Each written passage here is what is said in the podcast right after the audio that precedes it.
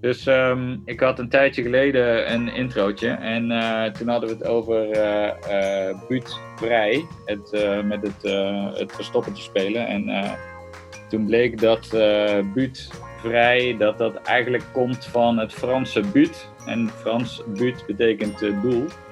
En ehm, nou ben ik ineens gefascineerd door het vertalen van Frans naar Nederlands en andersom. Nou kwam ik er dus achter dat Weet je wat je krijgt als je Thierry Baudet, als je dat van het, dat is eigenlijk natuurlijk gewoon Frans, maar uh, als je dat nou gewoon vertaalt naar het Nederlands, dan krijg je dus uh, Thierry Baudet is, uh, Thierry is Dirk, nou dat is op zich nog wel prima, maar Baudet is ezel. Dus eigenlijk is Thierry Baudet gewoon Dirk Ezel. Dus um, als hij dan weer eens wat geks uh, roept, dan uh, weet je in ieder geval Dirk Ezel. En dan kun je hem gewoon, hoef je hem niet minder serieus te nemen. Dus dat is gewoon even makkelijk. Oké, okay, um, laten we beginnen met de podcast.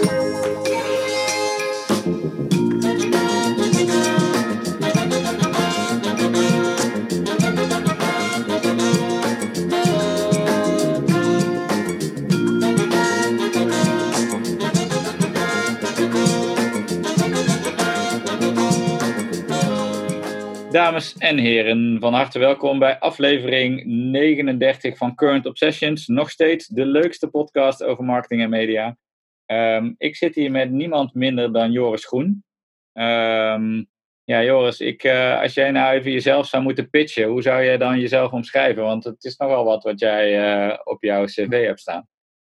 Ja, ik ben sinds kort helemaal in de ban van, uh, van die nummer 1 positie op managementboek.nl. Dus ik, ik, noem mezelf ook op Instagram bestselling author. Ja, dat is wel lekker hè? Dat mag je dan ook gewoon claimen. Ja, als ik even, daar wil ik even van genieten. Ja. Misschien dat ik later weer terug ga veranderen naar uh, UX-psycholoog. Maar ik vind dat, ja, dat bestselling wel lekker. Ja, dat snap ik wel ja. Dat is wel dat is een lekker ding. En um, kun je iets uh, zeggen over de achtergrond van uh, hoe jij uh, bestselling author bent geworden? Nou ja, dat is niet zo heel moeilijk hoor. In Nederland is het natuurlijk maar een heel klein landje, zeker in de, in de wereld van de vakliteratuur. Ja. Maar het was wel, was, wel, was wel spannend, want ik heb natuurlijk nooit geblogd. Ik heb mm. niet in het publiek opgebouwd, zeg maar, voordat ik het boek lanceerde. Mm eigenlijk een beetje voorop in de strijd in als jij aan het ontwerpen en, en designteams aangestuurd. Mm maar goed, dan blijkt toch dat als je gewoon je, je, netwerk wat je hebt opgebouwd op LinkedIn en, en natuurlijk heel veel een e-mail, als je die gewoon allemaal tegelijk uh, een bericht stuurt van joh, koop het boek. Ja. Nog wat leuke incentives bij van een gratis masterclass. En, uh, ook nog even een belactie van bedrijven, uh, relaties die er al wat meerdere boeken wilden bestellen. Ja. Want dan gaat het om dat je in korte tijd gewoon heel veel uh, boeken verkoopt. Dan ben je om die nummer één positie te halen. Plus dat we massa hadden dat door het onderwerp toch best wel een aantal boekenwinkels, ja, ze bestaan nog, dat die van pre-orders hadden gedaan. Dus we hadden al iets van 400, 500 uh, verkocht. Uh, okay. voordat, uh, eigenlijk, voordat het boek eh, überhaupt geschreven was. Ja. Dat, was wel, dat, dat, helpt natuurlijk ook een beetje. Dus ja, al, al, dat soort kleine beetjes die zorgen dan dat je, dat je uiteindelijk op nummer 1 komt te staan. We zijn er helaas inmiddels alweer van af. Dus Alle luisteraars nu even kopen. Het boek heet. Online Invloed. het is geschreven door Joris Groen en Bas Wouters. Um, ik hou het nu uh, omhoog. Ik ga waarschijnlijk deze video helemaal niet lanceren, want ik zit hier in mijn kledingkast uh, een podcast op te nemen. Uh, online invloed, Bas Wouters, Joris Groen. Ga naar bol.com, managementboek.nl en help die arme auteurs weer terug aan hun nummer 1 positie. Hè? Dit is gewoon een stukje wederkerigheid wat wij je vragen. We zitten hier gewoon s'avonds in onze vrije tijd een podcast voor jullie op te nemen. Het enige wat wij vragen, gewoon even vanuit je leien stoel gewoon even 2, 2,5 tientje ben je er. Hè? Doe dat nou gewoon even. Hop. Kijk, sluikreclame, daar hoef je niet aan te doen in podcast. Hè? Kun je gewoon knal, kan je dat er gewoon ingooien. Dat is gewoon makkelijk.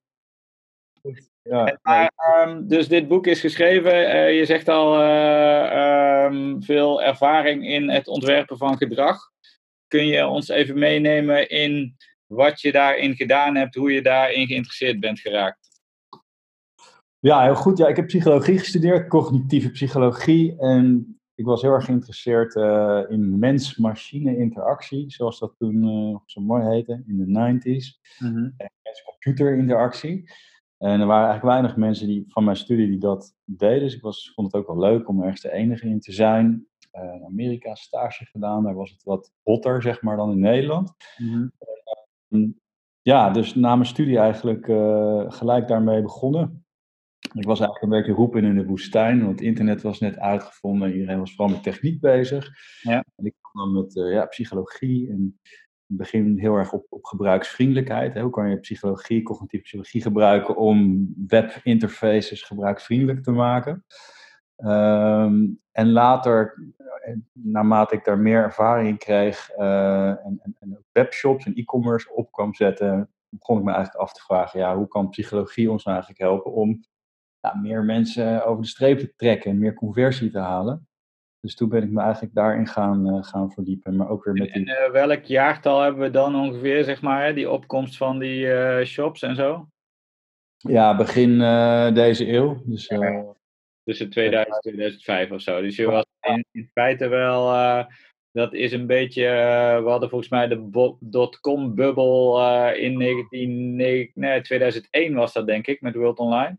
Maar een beetje ja. dat, van, jo, af dat ik ga heel wat jaartjes mee, dus ja, dat heb ik allemaal meegemaakt. Al die, ja, eh, al die je bent eigenlijk gewoon al heel oud. We zijn allebei al heel oud. Ja, dus ik um, kijk ook niet meer zoveel van op, zeg maar. Nee. En, en um, waarom moest dit boek er komen? Um, ja, natuurlijk is het. Uh, ik heb natuurlijk in de loop der jaren. Ik heb een Biominds opgericht op een gegeven moment. Een, een agency wat zich echt toelichtte op, op, toelegde op uh, gedragsontwerp voor online online overtuigen. Dus ik denk wel een van de eerste of enige designbureaus die helemaal vanuit die filosofie uh, werkte. Ehm, en daar heb ik eigenlijk zoveel ja, geleerd en, en kennis niet alleen opgedaan, maar ook denk ik wel ontwikkeld. Hè. Dus een aantal principes uit het boek, die zijn echt wel ja, authentiek. Mm dus uh, ja, dan op een gegeven moment denk je van, uh, ja, ik moet daar toch een keer een boek over schrijven, over deze benadering deze invalshoek. Mm -hmm. Ik heb natuurlijk al wat boeken geschreven, maar uh, ja, ik, ik, ik vond het toch allemaal vrij, vrij willekeurig een stukje psychologie pakken en dan kijken wat je ermee kunt doen met dat mm. stukje psychologie. Uh, en mijn benadering is veel meer vanuit ja, je, datgene wat je gaat ontwerpen, het product zelf. En ja, kom dan eens vanuit psychologie met een systematische ontwerpmethode die ervoor gaat zorgen dat dat ook echt gaat, uh, gaat vliegen. Mhm. uh, dus dat is eigenlijk een beetje het verschil. En uh, ja, dat is natuurlijk heel lastig, een boek schrijven als je, als je een drukke, als je creatief directeur bent van een, van een eh, agency en je moet allemaal teams aansturen. En, jullie waren op een zeker moment, jullie zijn dus nou best een groot bureau geworden, toch, Biominds? Ja, ja, dus we hebben echt ook voor hele grote klanten eh, in, in, binnen- en buitenland uh, uh, designprojecten gedaan. En nog steeds. Ja, ik ben nu zeg maar, ik heb mijn aandelen overgedragen, maar het bestaat natuurlijk nog steeds. Ja. Um, en, uh, maar goed, op een gegeven moment kwamen we Bas Wouters, mijn co-auteur, tegen. En Bas Wouters, die, ja, die is Cialdini gecertificeerd en die, die wilde heel graag een boek schrijven ook over online overtuigen. En die nou, die heeft ons eigenlijk een beetje, heeft een beetje gezorgd dat het in een versnelling kwam. Mm en eerst dachten we, ja, oké, laten we gewoon dan beginnen met iets simpels, waarbij we eigenlijk alleen Cialdini uh, toepassen op online. Maar toen dacht ik op een gegeven moment, ja, dat is eigenlijk zo afgezaagd en het is niet het complete verhaal. Mm. Het is, uiteindelijk is het toch uitgemond in het boek wat ik altijd al had willen schrijven. Mooi, mooi. Uh, soms heb je gewoon een beetje ja, een soort van uh, katalysator nodig om, uh, om daaraan te, aan te beginnen, zeg maar. Dus dat je denkt dat het een klein boekje wordt, maar uiteindelijk uh, ga je dan toch uh, maken er een enorm dik, nou ja, zo dik is het niet. 416 pagina's, maar met heel veel plaatjes, maar toch. Een kloek boek zou ik het toch wel willen noemen. Ja. Het, is, het is niet een, een dun boekje wat je even op een zaterdagmiddag doorneemt en dan klaar is. Er zitten echt wel wat gefundeerde uh, theorieën achter. Dus uh, ik denk toch wel dat je jezelf wel daarin als geslaagd auteur mag kunnen, kunnen neerzetten. Um, Toch waren er gewoon mensen, het was nog niet uit, een week later kregen we al van mensen dat ze het helemaal hadden uitgelezen, inclusief een hele grote lijst met spelfouten die ze hadden gezien. Ja, nou, dat vond ik ook echt heel fijn, weet je. Dus dat, dat je gewoon mensen bereikt die dan de energie nemen om dat voor jou eens even ja. uit, helemaal door te spitten en ook nog met je te delen. Dus uh, ik nog even bedanken. We hebben een mooi eh, moment, want ik zie in de wachtruimte ook uh, uh, Jaap Jansen Steenberg zitten. En ik begreep van jou dat hij een belangrijke steunpilaar was in het schrijfproces. Ehm, ja. Ik ga hem even toelaten in onze conversatie. Ik ben er. Jawel. Ja, dankjewel. Ja, ja, welkom. Wij waren al een beetje aan het praten over het boek en uh, de drijfveer van Joris om dat te schrijven. Maar uh, we zeiden net al, dat valt uiteindelijk niet mee om dan ook daadwerkelijk die ideeën op papier te hebben. Um, ik weet nog weinig van jouw achtergrond, maar ik begreep wel van Joris dat jij een belang, belangrijke speler was in uh, het proces van het maken van dit boek. Um, kun je daar wat meer over vertellen? Over wat je daarin gedaan hebt en jouw achtergrond daarin? Ja, uitstekend. Goed om te horen dat Joris dat vindt. Uh, ja, mijn achtergrond, ik ben uh, tekstschrijver en schrijftrainer. En ik heb samen met mijn vrouw Claudia een tekstbureau. Met een aantal tekstschrijvers en een aantal schrijftrainers. En uh, ja, wij hebben uh, Bas en Joris nou, zeg maar ondersteund bij het schrijven van het boek. Mm -hmm. Um, een lang en pijnlijk proces af en toe, maar zeer de moeite waard. Um, ja, wat we, wat we hebben gedaan is um, samen met mijn collega Stijn Kling hebben we eigenlijk in de zomer van 2019 vooral heel veel uh, met Joris en Bas op tafel gezeten. Veel uh, over het boek uh, aanvankelijk gebrainstormd van hey, hoe gaan we dit opzetten en vervolgens de materie ingedoken. En zeg maar de periode van de tweede helft van het jaar hebben we nou, heel intensief met, uh, met z'n vieren uh, opgetrokken om, om het allemaal goed op papier te krijgen. Mm -hmm. En, en wat, uh, wat is jouw sterke kracht, jouw drijfveer in dit proces geweest? Oeh, mijn drijfveer. Nou, dat, dat zijn er denk ik wel, dat zijn er wel drie. Als, als je het echt over eh, de motivatie hebt om, om hier mijn tanden in te zetten. Ehm, nou, allereerst als, als tekstbureau zijn wij al langer met deze materie bezig. Uh, zeker niet op het niveau van, van Bas en Joris, laat dat uh, helder zijn. Maar we verdiepen ons al wel langer in, in uh, overtuigingspsychologie. Um, en toen, toen Bas en Joris belden van, hey, doe je mee? We gaan een boek schrijven. Kun je ons helpen? Ja, het is natuurlijk de ultieme masterclass voor ons om met twee van die mannen een jaar lang met, met die materie bezig te zijn. Dus, nou, daarnaast um, Kijk, ons, ons motto dat wij hebben is scoren met woorden. Wij vinden het leuk om een prestatie neer te zetten, om, om eh, meer te doen dan alleen maar een goede tekst te schrijven. We mm. willen er ook iets mee bereiken. En uh, ja, dat, dat, dat lag natuurlijk wel redelijk voor de hand dat, dat het met dit boek zou uh, kunnen gaan lukken. Mm. Um, en daarnaast was mijn persoonlijke drijfveer um, dat ik graag een keer een, een managementboek wilde schrijven waarin alles klopte. Uh, vooral vanuit het perspectief van de lezer.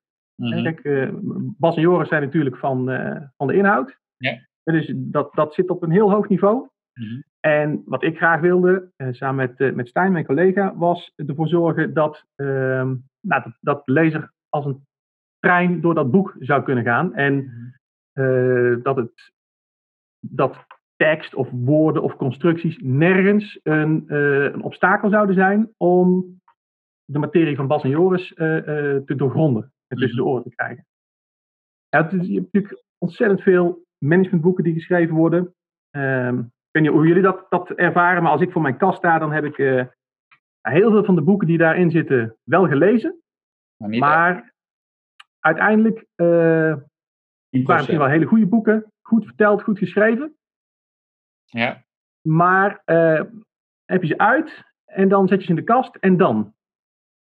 Ja, dat effect dat wilde ik eigenlijk wel heel graag voorkomen. Uh, er moest daadwerkelijk iets mee gebeuren. Nou, is het model waar Joris en Bas mee werken natuurlijk al daar bijna een garantie voor. Uh, maar ik vond ook dat we dat in tekst en structuur erg moesten ondersteunen. Nou, daar is denk ik, dat een beetje onze bijdrage geweest in het, uh, in het geheel. Want uh, als we het dan hebben even over de structuur van het boek. Uh, hè, er zit inderdaad een duidelijke opbouw in rondom een aantal thema's. Kunnen jullie daar uh, een van jullie twee eens even vertellen hoe dat boek, hoe de opbouw in elkaar zit qua onderwerpen?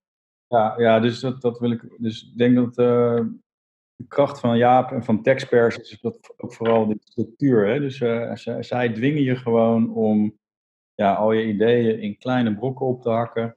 En echt van het begin ook echt al te zeggen van, nou, hoe lang, hoeveel pagina's is dit stuk? Hoe lang is dit? Dat je echt een, een inschatting kan maken van hoe lang je bezig bent met schrijven. En uh, dat je eigenlijk al weet een beetje hoeveel pagina's het gaat worden. En dat is ja, als je nog nooit een boek geschreven hebt, enorm waardevol dat je gewoon coaches hebt die, ja, die weten hoe je zoiets moet aanpakken. Want het schrijven van een boek is eigenlijk net zoals het ontwerp van een website. Dat heeft ook een, je kan er gewoon een, een proces vervolgen wat leidt, leidt tot iets heel slechts. Of je volgt een proces wat leidt tot iets heel goeds. Het proces van het boek schrijven, ja, dat is denk ik wat mensen, uh, is wat ik had onderschat. En uh, dat is echt wel, uh, wel goed om daar hulp bij te vragen, denk ik, als je dat nog nooit gedaan hebt. Dat kan ik ja. iedereen heel erg aanbevelen. Ben je, ben je, dan begonnen vanuit, zeg maar, even één groot idee en heb je dat uiteengerafeld in, in die, die brokken die uiteindelijk de hoofdstukken worden? Of heb, ben je eigenlijk vanaf onderaf begonnen met allemaal kleine ideeën en voorbeelden en dingen die je nog wist uit de praktijk, et cetera, en heb je dat uiteindelijk van onderaf naar boven opgebouwd?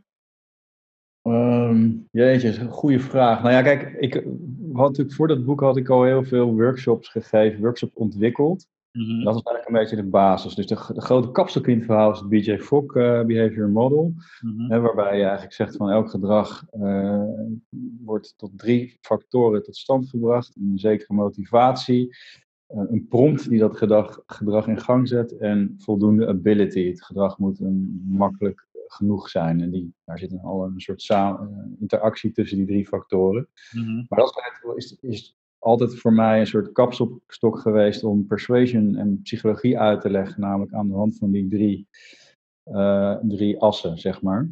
Mm-hmm. Uh, maar daarbinnen heb je natuurlijk heel veel kleine subhoofdstukjes nog. En je hebt nog een, een soort inleidend verhaal. En aan het eind heb je dat nog een keer toegepast op verschillende touchpoints. Mm-hmm. Dus aan het begin hebben we gewoon eigenlijk die structuur een beetje geschetst. En binnen elke sectie, hè, sectie van het boek, hebben we een aantal hoofdstukjes uh, bedacht. Uh, waarbij het ook heel belangrijk is geweest dat we gewoon heel veel dingen niet hebben, in het boek hebben opgenomen. Want je hebt natuurlijk zoveel, je kan zoveel zeggen over motivatie, ability.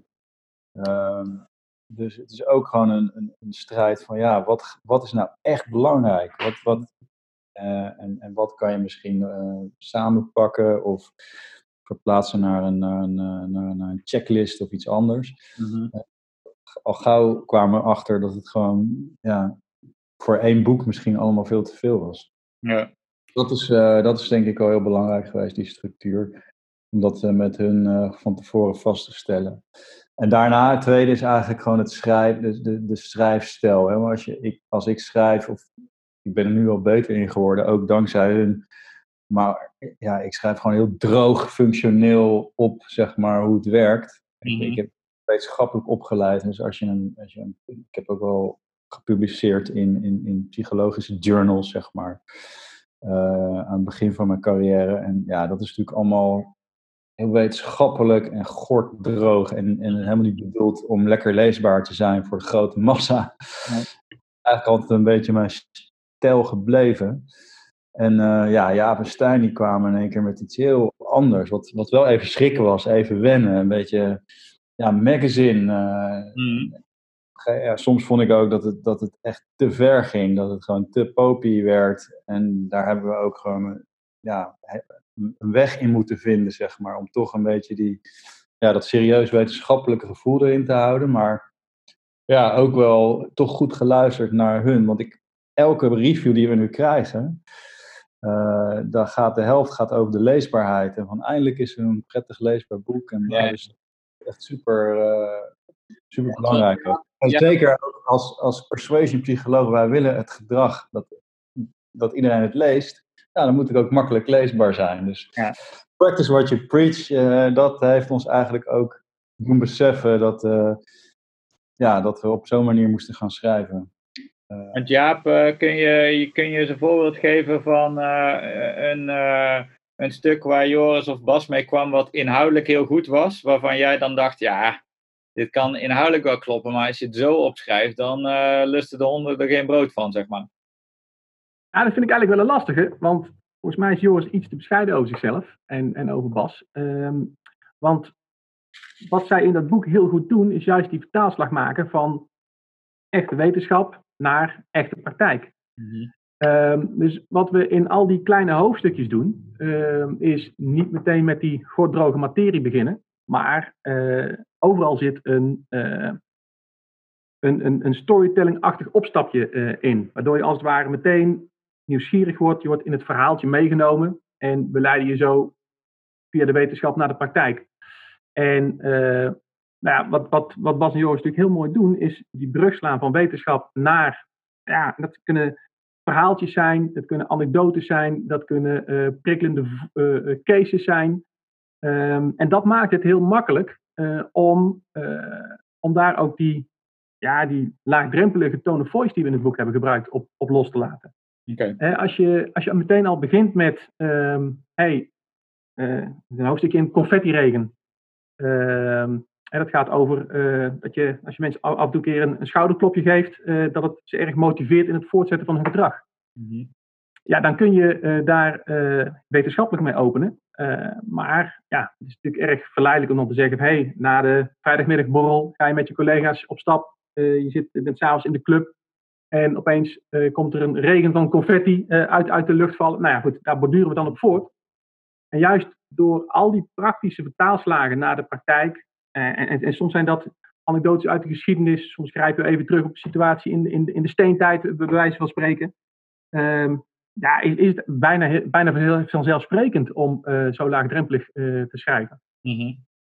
En wat, als je kijkt naar die verschillende hoofdstukken, wat vond jij, Jaap, eigenlijk het, het hoofdstuk waarvan je dacht, ja, dit, dit gaat eigenlijk vanzelf. In de zin van, dit is uh, hier kan ik eigenlijk met de aangeleverde input van Joris en Bas uh, dit zo structureren dat dit allemaal in elkaar klikt. Zat dat, want er zit een soort opbouw in, hè, waarbij je eigenlijk vanuit een, een aantal grotere, nou, noem het maar theoretische kaders van het ontwerpen van een winnende prompt naar het vergroten van motivatie, naar het vergroten van ability. en vervolgens ga je eigenlijk naar keuzes en de toepassing daarvan. Um, als je dan kijkt naar die zes delen, wat vond je dan eigenlijk het, het stuk wat het makkelijkst uit de uh, traditionele pen uh, vloog, waar uh, tegenwoordig niet, niemand meer mee werkt, maar dan je snapt het even voor. Nou, dat, dat is wel het eerste deel van het boek, waarin die drie pijlers onder dat folk behavior model, model worden, worden uitgelegd. Mm -hmm dat is theorie die we op een toegankelijke manier naar de praktijk eh, hebben, hebben vertaald. Althans, toegankelijk hebben proberen uit te leggen en eh, gekoppeld aan de praktijk. Ja. Het tweede deel van het boek wordt veel praktischer. Ehm, dus als je vraagt van, hey, wat, wat vond jij het leukste om aan te werken? Of waar, waar kon je die stijl het beste in kwijt? Dan zit dat nadrukkelijk in de eerste, eerste helft van het, uh, van het boek. Maar dat is eigenlijk ook wel een beetje tegenstrijdig, toch? Omdat het zeg maar, je zou ergens verwachten dat het, de toepassing in de praktijk, dat dat, dat dat zich makkelijker schrijft in de zin van dat je dan concretere voorbeelden hebt, zeg maar. Dat is uh, makkelijker, denk ik, beeldend te schrijven dan, dan theorie toegankelijk maken. Ja, misschien is dat ook een beetje het trucje van de tekstschrijver. Hè? Dat, je, dat je droge materie eh, tot, tot leven kunt brengen. Ja. Um, en, en in het tweede deel van het boek is het natuurlijk ook veel meer, uh, daar is de, eh, de hand van eh, Joris en Bas ook veel duidelijker, eh, nou misschien niet eens voelbaar, maar die zit daar veel duidelijker in. Want daar zeg maar, komt hun ervaring helemaal tot uiting. Daar is onze toegevoegde waarde ook relatief kleiner geweest dan in die eerste helft, waarin het gaat om het uitleggen van die wetenschap naar het niveau van de lezer. Ja. Okay. Ja, kijk, in het eerste gedeelte leggen we zeg maar het Pietje Fok model uit en Kahneman en ook 37 designprincipes. Allemaal kleine hoofdstukjes. En die hebben allemaal een beetje hetzelfde formatje. En dat is denk ik ook wel iets ja, wat we misschien ook wel dankzij de tekstpers op die manier hebben gedaan. Dus we beginnen inderdaad met zo'n, met zo'n leuke anekdote en we eindigen altijd met wat moet je nou onthouden, wat moet je weten. Ja. Samenvattingen aan, oh, dat is, ja, daar krijgt er hele goede geluiden over. Ik zou dat zelf, was ik daar nooit opgekomen. Maar goed, het tweede gedeelte van het boek, dan gaan we echt dingen ja, heel erg, bijvoorbeeld ja, een, een product detailpagina ontwerpen. Dan gaan we echt alles wat daar belangrijk is bespreken. Mm -hmm. Dat is inderdaad ja, na, na 37 hoofdstukjes, dan heb je dat steltje wel een beetje te pakken. Dus we hebben daar, heb ik daar ook wel heel erg gekeken naar, oké, hoe, hoe, hoe, hebben we dat daarvoor gedaan? En kan ik die, die manier van vertellen, en taalgebruik en af en toe kort zinnetje, lange zin. Niet alleen maar lange zinnen, maar ook. Dus dat, ik heb er wel heel veel van geleerd, zeg maar. Ja. En daar is, daardoor is denk ik het tweede gedeelte van het boek ook misschien wat makkelijker gegaan dan het, uh, dan het begin. En hebben jullie ook uh, momenten gekend waarbij je dacht, nou ja, weet je, het is allemaal leuk. We hebben hier na een aantal maanden naar gewerkt, maar uh, dit uh, blijkt toch te groot, te veelomvattend, te moeilijk te combineren met andere dingen. Laten we er misschien toch maar een punt achter zetten. Zijn er, zijn er dat soort momenten geweest? Nou ja. Aan onze kant niet in ieder geval. ja, ik ben nogal perfectionistisch. Maar het is niet perfectionistisch, maar ja, weet je, het is, wij beweren wetenschap, dus alles wat we zeggen moet gewoon kloppen, 100%. En uh, ja, dat is gewoon af en toe wel lastig. Uh, en, uh, sommige hoofdstukken zijn echt wel 10, 15 keer geïtereerd. Ja. Eh, want ja, dat zie je er niet aan af nu, maar er zit wel heel wat zweet, bloed, zweet en tranen. Ja, ja, ja. ja moet iedereen dat weer reviewen. En Stel nou hè, dat je nou uh, in, uh, laten we even de, de setting hetzelfde houden. Dus we hebben eigenlijk de, de twee auteurs en de twee eh, tekstbureau-ondersteuners. Um, en er komt, er komt een vervolg. laten we ook ervan uitgaan dat het even op hetzelfde terrein is. Wat zou je nu anders aanpakken of welke learnings neem je mee van dit boek? Um, nou, ik zou heel veel hetzelfde doen. Uh, maar ik zou, er zijn ja, een aantal dingen die, die, die ik wel geleerd heb, is dat je, ja, je moet wel moet proberen om dingen, bijvoorbeeld een hoofdstukje helemaal af te maken voordat je met het volgende gaat. Dus niet dat er nog allerlei open eindjes en dingetjes in zitten, want op een gegeven moment, als het boek groter en groter wordt en je, moet, en je wilt weer een, zeg maar, reviewronde, dan moet je steeds weer helemaal van het begin overal doorheen. En dan ben je eigenlijk gewoon een dag verder om weer, en heb je weer een reviewronde gedaan, zeg maar. Mm.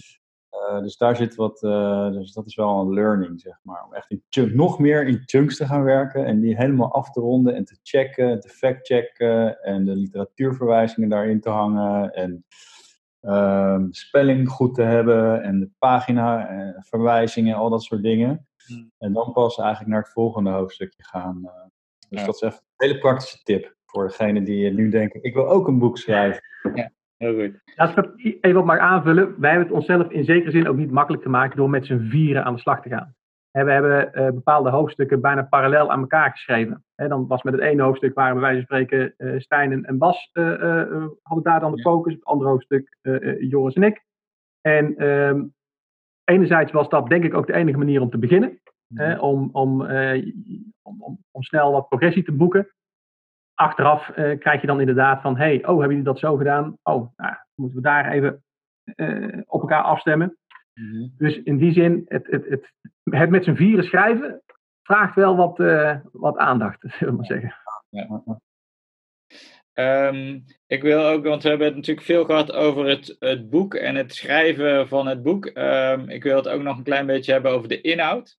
Uh, dat is ook uh, niet onaardig natuurlijk als jullie daar zoveel moeite in hebben gedaan om ook nog even naar de inhoud te kijken.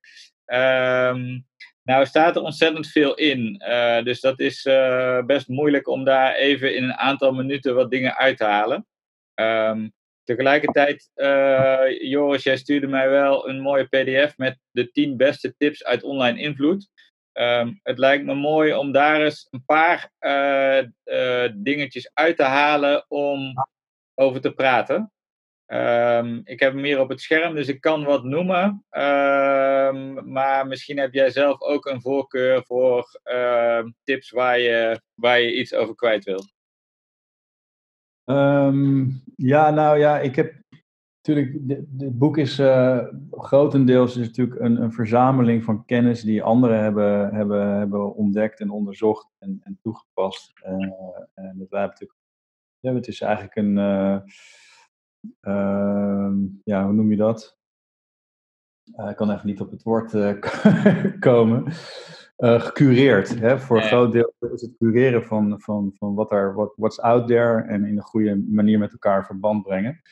Maar er zitten ook wel echt wel authentieke dingen uh, in die we de afgelopen twintig jaar hebben ontdekt en gebruikt en, en van geleerd. Dus daar ben ik het meest trots op. En dat is eigenlijk het onderdeel promptstrategieën. Mm dus dat zijn, uh, als je hebt een prompt is iets wat jou aanzet tot gedrag. En sommige prompts zijn heel speciaal, want die, die moeten eigenlijk jou wegverleiden bij iets anders. Hè? Dus een advertentie. Uh, even dat ik het goed begrijp. De prompt is wat uh, eh, BJ Fogg de trigger noemt, zeg maar. Hè? Dus dit is de Nederlandse vertaling van trigger. Nee, nee. Fogg heeft het twee jaar geleden heeft hij het zelf omgedoopt tot prompt. Oké. Dus okay. dan moest ik ook duizenden slides en illustraties aanpassen. Eh, maar het komt echt uit zijn, uh, zijn koker. En ik snap ook wel waarom, omdat het woord trigger nogal verwarrend kan zijn. En um, meerdere dingen kan betekenen. En prompt is echt wel gewoon puur juist datgene wat jou prompt, wat jou vraagt of aan herinnert om een bepaald gedrag te doen. Mm. Um, en in de online wereld zijn dat natuurlijk ja, advertentietjes, subject lines, maar ook call to actions op een pagina of kopjes die boven een tekst staan. Die ja. jou aan om die tekst te lezen. Dus het is eigenlijk, uh, ja, het bestaat meestal een prompt online uit een aantal woorden of een symbooltje. In ieder geval iets wat je in, in luttele, uh, in seconden kunt waarnemen. Dus dat zijn eigenlijk de prompts in, in online design. Mm En nou, om alleen al om zeg maar, op die manier naar online design te kijken, is het denk ik uh, best wel uniek. Mm -hmm al heel veel boeken en verhalen over persuasion waar het woord prompt niet eens wordt genoemd. Mm terwijl het eigenlijk, ja, elk gedrag begint ermee, dus dat is gek.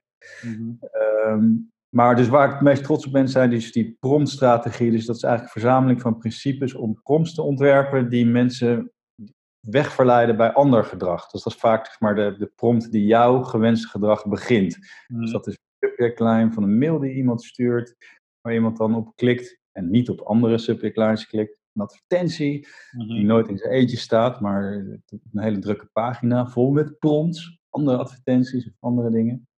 Uh, en daar hebben we een aantal strategieën voor uh, verzameld, die eigenlijk altijd wel werken als je ze goed toepast. En ja, zeker in de wereld van online marketing, online advertising, als je zeg maar op die systematische manier daarna gaat kijken en je, en je, je, je gebruikt zeg maar die die principes als basis voor je, voor je brainstorm, mm ja, dan heb je zo enorme voorsprong op andere bedrijven en teams die gewoon een beetje gaan zitten, creatief gaan zitten zijn en brainstormen zonder die bagage. Ehm, en dat heb ik gewoon ook ja, in de lijve meegemaakt bij Buyerminds. Mm. En uh, ja, ik pas het eigenlijk altijd toe. Als ik iemand een e-mail stuur, dan denk ik altijd van wat moet ik in die subject line zetten, waardoor die uh, gelijk gaat openen. Mm Nou, wat zijn dan die strategieën? Dat zijn een uitzonderlijk voordeel. Dus een, een iets wat je, een, offer you can't refuse. Mm -hmm. We hebben natuurlijk een aantal richtlijnen dat je dat uh, eigenlijk heel simpel moet kunnen, kunnen, kunnen verwoorden. Mm Dat heeft weer te maken met het hè, dat onbewuste brein als eerste die prompt leest. Mhm. Eh, hè, dus als het daar niet, dat en vaak ook onbewust uh, leest. Dus als het daar niet uh, aanslaat, dan, dan heb je er niks aan. Um, goed, dus dat extreme voordeel. De tweede strategie is nieuwsgierigheid opwekken. Nou, dat hebben we de laatste jaren wel ontdekt. Hè. Clickbait. als je kijkt naar bijvoorbeeld CNN, die hebben echt tegenwoordig al hun headlines zijn helemaal niet meer informatief, maar die zijn echt gewoon puur, uh, ja, expres niet de kern in die headline, maar om te zorgen dat je maar gaat, gaat lezen en nieuwsgierigheid opwekken. Nou, dan hebben we ook nog de simple question, simpele vraag stellen. is een hele goede promptstrategie. mensen geven eigenlijk vaak in een reflex antwoord. Uh, een, een, simpele vraag stelt. En dan hebben we nog de unfinished journey strategie. En dan ga je gebruik maken van uh, het feit dat mensen graag dingen af willen maken. Dus als je ze aanspreekt op het feit, hey, je moet nog één ding doen, of er is nog iets uh, wat, je nog, uh, wat nog open staat, uh, werkt dat ook ongelooflijk sterk als, ja, als een wegtrekker of afleider. Mm. dus die, dat stuk uit het boek vind ik eigenlijk zelf het meest waardevol. Dat dat ook het meest zeg maar, uit je eigen koker komt, zeg maar. Ja, ja. En ook heel belangrijk, omdat je daarmee zeg maar ja, je advertentiebudget enorm effectief gaat inzetten. Dus het, is, het levert ook gewoon direct heel veel geld op. Aan de andere kant, uh, want je zegt eigenlijk ja, veel is uh, gecureerd. Uh, maar dat is natuurlijk bij veel managementboekauteurs natuurlijk het geval. Hè? Want uh, Cialdini komt natuurlijk ook in jullie boek veelvuldig voor. Feitelijk, als je daar kijkt, is dat natuurlijk ook een soort curatie van uh, het werk van anderen of de, de Seven Habits van Stephen Covey is dat in a way ook. Um, ah, dus misschien oh. in die zin is ook niks met cureren. Nee, er is niks mis mee. Eigenlijk is het uh, zeker in deze tijd is cureren staat op een hoger aanzien dan creëren. Kijk naar DJ's en de hele kunstscene is eigenlijk gaat steeds meer om uh, ja, cureren, ver dan dat je echt heel authentiek zelf iets maakt. Nou, ik denk ook, er, er is al ontzettend veel. En volgens mij is, je kunt op twee dingen eh, je focussen. Eén is het creëren van iets nieuws, maar dan moet je een soort hyperspecialisatie kiezen om op één klein onderdeeltje waarde te voegen. Maar anderzijds kun je ook zeggen, ik pak wat er is en ik ga dat uh, nou ja, noem het maar toegang. Ik wilde gaan zeggen op een andere manier verpakken, maar dat klinkt, dat is denigrerender dan ik hoe het bedoel. Maar het is eigenlijk uh, toegankelijker maken voor een bredere doelgroep, waardoor de kennis die er is ook beter zijn weg kan vinden naar uh, een publiek wat daarop zit te wachten. Dus, dus in feite vind ik cureren ook wel iets heel moois. Ja, dus dat is wel, voor mij was dat ook wel een. Want ik, ja, ik vind juist creëren heel, heel tof. Um, uh, en ik heb heel erg een bewondering voor mensen die nieuwe dingen scheppen, zeg maar. Of, ja. of BJ Fogg is heel authentiek, hè, dat model. En er zijn hele. Er zit ook heel weinig verwijzing naar anderen, zeg maar. Hij vindt ook. Ik heb zelf de cursus bij hem gevolgd en vindt iedereen ook. Ja, vindt alles maar niks hoe andere psychologen denken over gedrag. En het is allemaal heel eigen. Dat is ook, ja. ook heel, heel cool. Cialdini is natuurlijk ook zelf undercover gegaan en heeft ook natuurlijk zelf wel heel veel experimenten zelf gedaan. Um, undercover als uh, salespersoon. Ja, ja. Ja, natuurlijk heeft hij ook wel, heeft hij, uh, beide hebben natuurlijk een, een uh, wetenschappelijke carrière waar ze op kunnen bogen. aan de andere kant is dat natuurlijk ook wel weer uh, ook in wetenschap niet ongebruikelijk. Hè? Je bouwt door op het werk van anderen, je voegt stukjes toe en je, combineert. Uh, ja. Uh, dat is mooi dat jullie dat ook hebben gedaan. Dus, omdat, dus voor mij was dat wel dat, inzicht, dat dat eigenlijk heel, misschien nog wel waardevoller is dan zelf iets nieuws creëren. Gewoon dat je echt ja, jouw echt bestaande dingen in een fris nieuw jasje zet en misschien op een andere manier uitlegt en met elkaar in verband brengt. Mm dus we, volgens mij zijn we het eerste boek waar we echt die Cialdini-principes en het Pietje Fok-model met elkaar in verband brengen. En, en Kahneman en het Pietje Fok-model, waar eigenlijk alles een beetje als een puzzel in elkaar valt. Mm. Nou, die feedback krijgen we ook van een aantal mensen die eigenlijk al die principes wel kenden, maar die, die, ja, die vinden het toch wel heel tof hoe we dat hebben, aan elkaar hebben weten te breien. Mm. Dus uh, ja, ik, ik, ik ben daar wel heel, heel blij mee met dat inzicht. Dus dat, het, uh, dat dat eigenlijk net zo belangrijk, misschien wel belangrijker is dan zelf uh, nieuwe persuasion principes uitvinden. Ja, mooi. Um, laten we ter afsluiting nog één ding noemen. Uh, het ontwerpen van prompts heb je genoemd. Um, wat zou je ter afsluiting nog als onderwerp willen inbrengen om nog mee te geven aan de luisteraars? Um, ja, dus, eh, het belangrijkste, een van de belangrijkste inzichten, denk ik, uit de gedragspsychologie is dat wij als mensen, we hebben een soort motivatiebias. En dat betekent dus dat wij, als wij denken aan gedrag en waarom dat wel of niet optreedt, mhm. dat wij eigenlijk als eerste denken aan dat dat komt door wel of niet gemotiveerd zijn. En bijvoorbeeld uh, als ik uh, een berichtje stuur aan iemand uh, en ik, ik, zie blauwe vinkjes in WhatsApp en ik krijg geen reactie terug, dan word ik toch, ga ik twijfelen aan die persoons motivatie. Van, wil die wel antwoorden? Of mm. vindt, vindt, zij mij wel leuk genoeg? Ja. Belangrijk genoeg? Um, dus dat, dat zijn dat, dat is gewoon een soort van neiging die wij hebben. Om, om gedrag te verklaren denken we altijd gelijk aan motivatie. Terwijl in de meeste gevallen is het juist die andere twee die mis zijn. Dus het is te moeilijk op dat moment. En misschien is iemand in gesprek of is aan het presenteren of is aan het werk. heeft een heel mooi lang antwoord, maar heeft nu geen tijd om dat in te typen. Of is het de prompt? Misschien uh, lag dat uh, apparaat gewoon op tafel open en kwam die sms binnen of die WhatsApp en uh, helemaal niet opgemerkt, zeg maar. Mm. dus en zo denk ik in de online marketingwereld, webdesignwereld, zie je dat ook veel. Hè? Dus die neiging om, oh, men doet het niet, dus ik ga nog meer argumenten, ik ga nog meer moeite doen om te motiveren. Dus ik denk dat dat een makkelijke learning is. Mm Om eens te analyseren van wat wil je nou dat jouw klant of bezoeker doet. Mm Ga dan niet twijfelen aan de motivatie, maar denk van wat zou het moeilijk, te moeilijk maken. En zou het ook kunnen zijn dat hij misschien niet die prompt niet ziet, dat hij, dat hij niet doorheeft wat hij moet doen. Dat het gevraagd wordt. Uh, dus, en daar kan je, ja, als je op die manier eigenlijk naar gedrag gaat kijken, echt als een wetenschapper, ja betekent dus dat je eigen intuïtie moet uitschakelen. En dat is dus, daarom hebben psychologen het zo moeilijk ten opzichte van andere wetenschappers. Want zij zitten vol met verkeerde intuïties over menselijk gedrag. Mhm. En die zitten ons heel erg in de weg als we het op een systematische wetenschappelijke manier willen bekijken.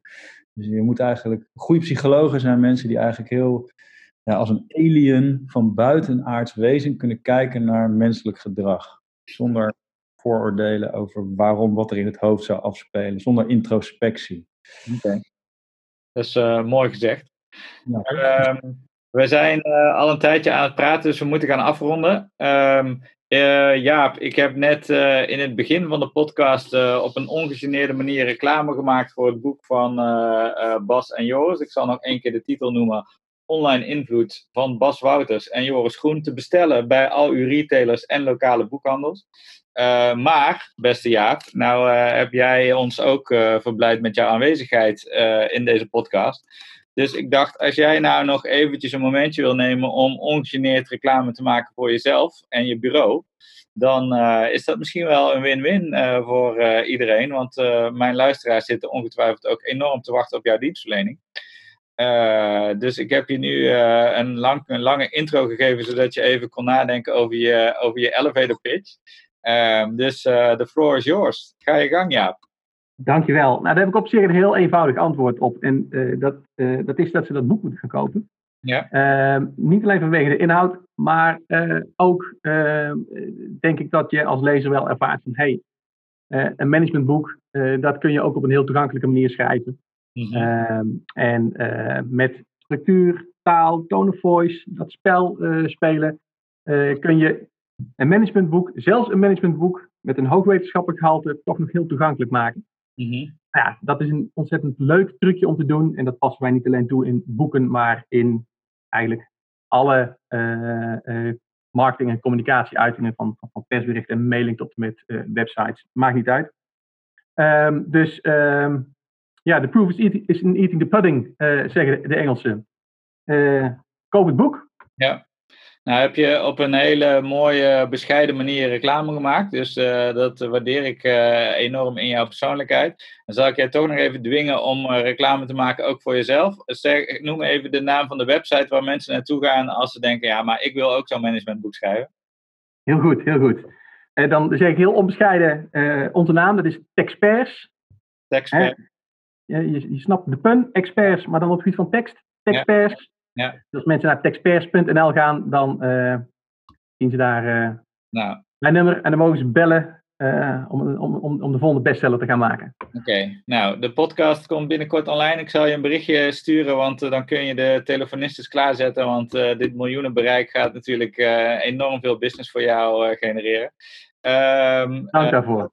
Als, uh, als, de, als de lijnen bezet zijn, moet je gewoon nog een keer proberen. Ja, precies. Dat is gewoon een teken dat het, gewoon, uh, dat het zo populair is. Dat is gewoon social proof. Ik zou Dit is schaarste, heer. Dit is schaarste creëren. Heel goed, dank u. Ik zou sowieso de dag uh, na de podcast, als die online komt, gewoon heel de dag de horen ernaast leggen. En dan de dag daarna, dan kun je gewoon meteen de, de contracten tekenen. Jij hebt het boek gelezen, heel goed. Oké, ehm, eh, Joris en Jaap, bedankt voor jullie input en uh, jullie tijd. Um, en luisteraars, dit was aflevering uh, eh, 38 van Current Obsessions, de leukste podcast over marketing en media. Graag tot de volgende keer. Dankjewel. Doei.